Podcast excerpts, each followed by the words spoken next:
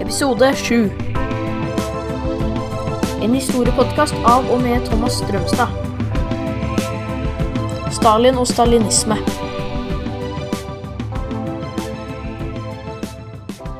Ja, da har vi kommet til Stalin og stalinismen. Stalin var jo en uh, fryktløs leder av Sovjetunionen fra 1924 til 1953. Så det var jo en ganske lang periode. Eh, Stalins ettermæle er jo kanskje først og fremst preget av at han er eh, kjent for å være en veldig hard og brutal leder.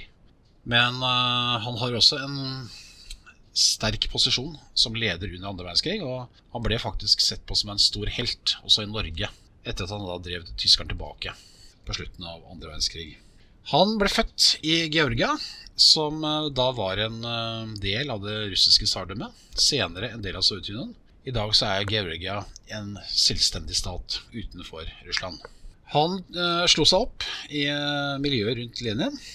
Og etter at Lenin døde i 1924, så ble det jo en sterk maktkamp i kommunistpartiet, hvor altså da Stalin gikk av med seieren. Det skal sies at Lenin han hadde faktisk på dødsleiet advart mot Stalin. Da mente at Stalin var, hadde en del uh, tendenser som ikke var så bra. At han var veldig maktglad, og at han var, kunne rett og slett være farlig. Og man kan jo si at Lenin fikk nok rett en god del av det.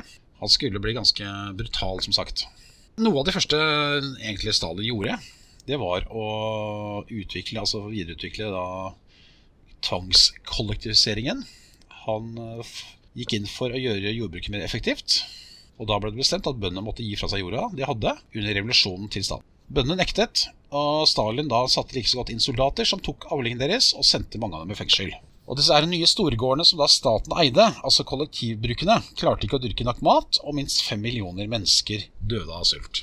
Sovjetunionen hadde da en grunnlov som slo fast at landet skulle ha trosfrihet, ytringsfrihet og hemmelig valg, men dette ble ikke gjennomført. På papiret så var det altså et demokrati, i praksis noe ganske annet.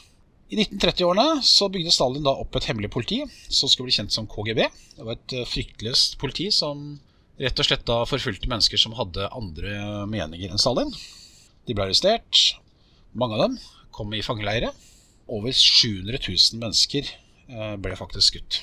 Eh, blant annet så hadde jo disse berømmelige Moskva-prosessene på 30-tallet, hvor Stalin systematisk da forfulgte mennesker, stilte dem for retten Samtlige av dem ble da dømt, og mange endte i fangeleire, og mange ble skutt.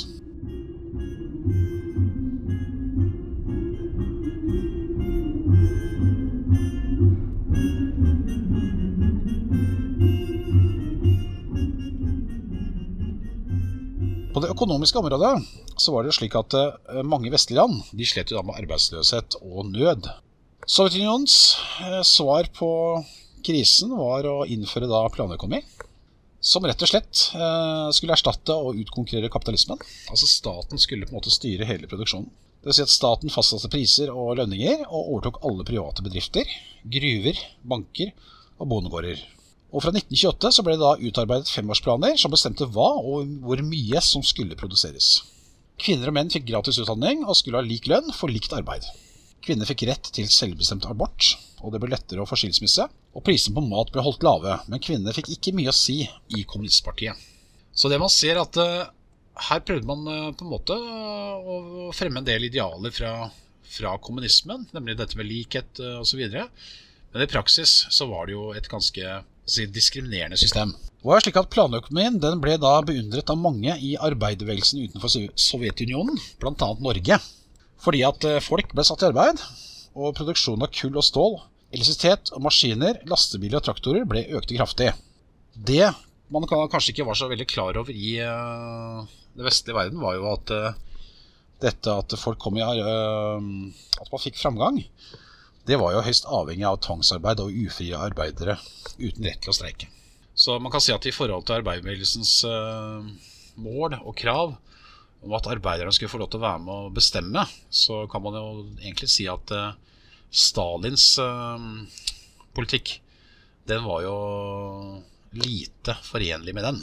Så man kan jo si at eh, stalinismen på en måte var en veldig statsstyrt, veldig diktaturisk politikk, som da på en måte skulle prøve å gjennomføre kommunismens idealer. Hvilket den da kanskje i ettertid ikke helt klarte å gjøre.